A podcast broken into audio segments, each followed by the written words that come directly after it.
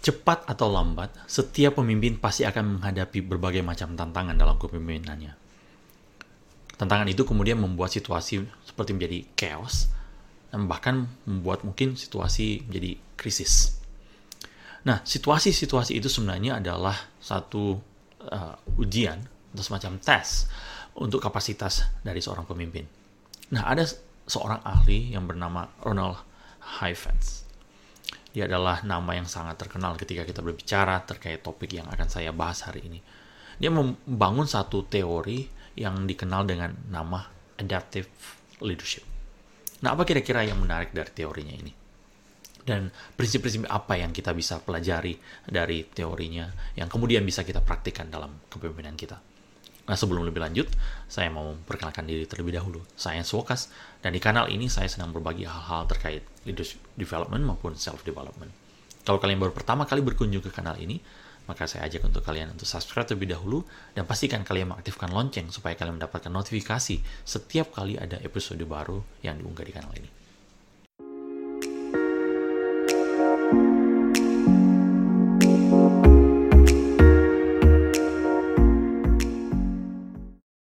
Heifetz kemudian menjelaskan bahwa perjalanan tiap organisasi itu selalu dicirikan dengan tiga kondisi, yaitu zona kenyamanan, zona bahaya, dan zona pembelajaran. Nah, pada masa-masa normal, menurutnya kita itu berjalan pada kondisi uh, keseimbangan ya, di mana tingkat stres itu rendah, dan semua orang itu berusaha menjaga kondisi demikian.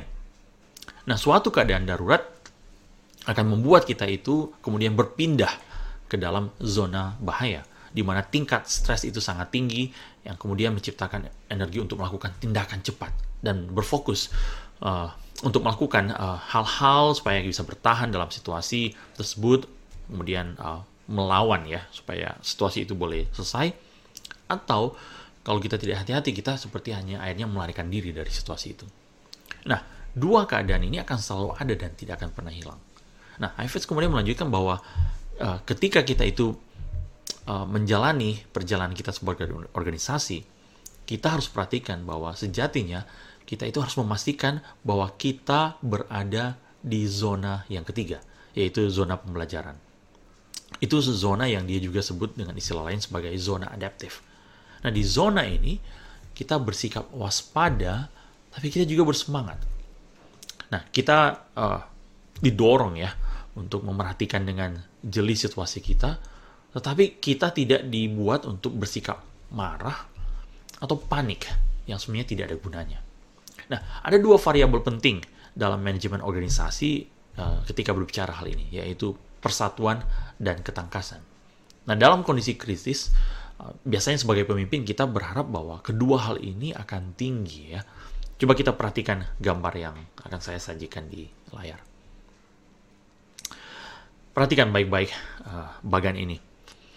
Jika persatuan bernilai tinggi dan ketangkasan itu bernilai rendah, maka Anda dan tim Anda akan berada di kotak kiri atas kira-kira ya seperti itu. Dan di mana uh, kotak itu kemudian dicirikan dengan nama itu zona kepuasan. Nah, saat Anda berada di zona ini, Anda itu tidak peka dengan tanda-tanda krisis dan akan bertahan dengan pernyataan-pernyataan seperti ini. Well, di tempat kami kami bekerja seperti ini. Nah, di sini kami selalu mengikuti pola ini. Nah, itu yang kira-kira uh, statement-statement yang dikeluarkan ketika Anda berada dalam keadaan seperti itu. Kondisi yang kedua adalah persatuan itu bernilai rendah dan ketangkasan tinggi. Nah, kalau seperti itu, uh, Anda itu akan berada di zona yang dia namakan itu zona pemisah. Nah, apa yang menjadi ciri khas di zona ini. Nah, di zona ini prioritas setiap orang adalah melindungi diri. Mereka melindungi diri mereka sendiri dari kesulitan. Dan setiap orang itu mencari aman. Nah, kondisi ketiga adalah uh, persatuan bernilai rendah dan ketangkasan rendah. Nah, kalau Anda dan tim Anda berada dalam zona ini, Anda berada di zona yang dia sebut dengan zona menyalakan. Dan biasanya apa yang menjadi ciri khas di zona ini, kita akan melihat telunjuk itu terarah ke orang lain, terus terarah ke orang lain. Karena mereka saling menyalahkan.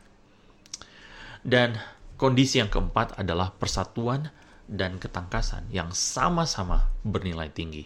Nah, ini yang saya katakan tadi yang kebanyakan dari pemimpin kita sangat merindukan hal ini terjadi ya. Maka ketika Anda dan tim Anda berada di zona ini, Anda berada di zona yang disebut sebagai zona pembelajaran. Baik selama maupun setelah krisis. Nah, apa yang perlu Anda lakukan, Anda dan tim Anda lakukan ketika berada di zona ini? Nah, Anda harus menanyakan tiga kategori pertanyaan ini yang nah, perlu Anda renungkan. Pertama, bagaimana kami, perhatikan penekanan saya, bagaimana kami bisa menyelesaikan kesulitan-kesulitan ini dan bergerak maju sebagai satu tim. Pertanyaan kedua adalah, apa kontribusi saya pada keadaan ini sehingga kesulitan ini menjadi semakin besar? Bagaimana saya bisa memastikan saya tidak berbuat kesalahan ini lagi? Perhatikan penekanan saya yang tadi ya. Kalau pertanyaan pertama adalah kami, sekarang pertanyaan kedua adalah saya. Sekarang pertanyaan ketiga, apa kontribusi anggota tim saya pada keadaan ini.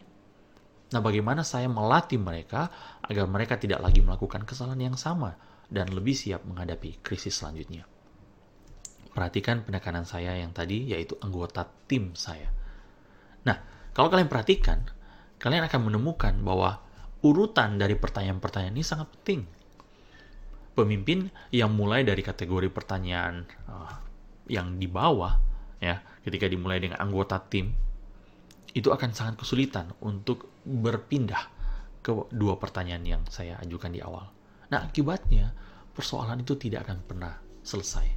Sangat sulit untuk memecahkan masalah yang dihadapi.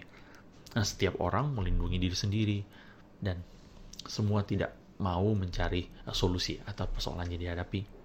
Nah, saat tim tidak belajar, tim akan kembali menempati zona yang menjadi kondisi default dari organisasi Anda sampai kemudian Anda berada pada kondisi kritis atau kondisi krisis selanjutnya.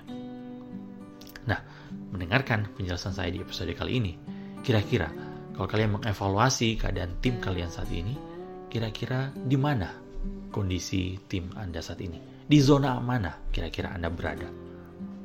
Dan selanjutnya, apa kira-kira insight yang Anda dapatkan, insight yang paling bernilai dari episode kali ini?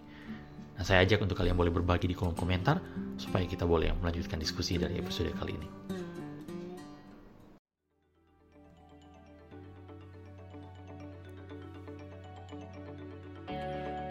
Thanks for joining us this week on Sketch and Angle. If you found value in the show, we would appreciate if you would simply tell a friend about the show. And be sure to tune in next Monday for our next episode.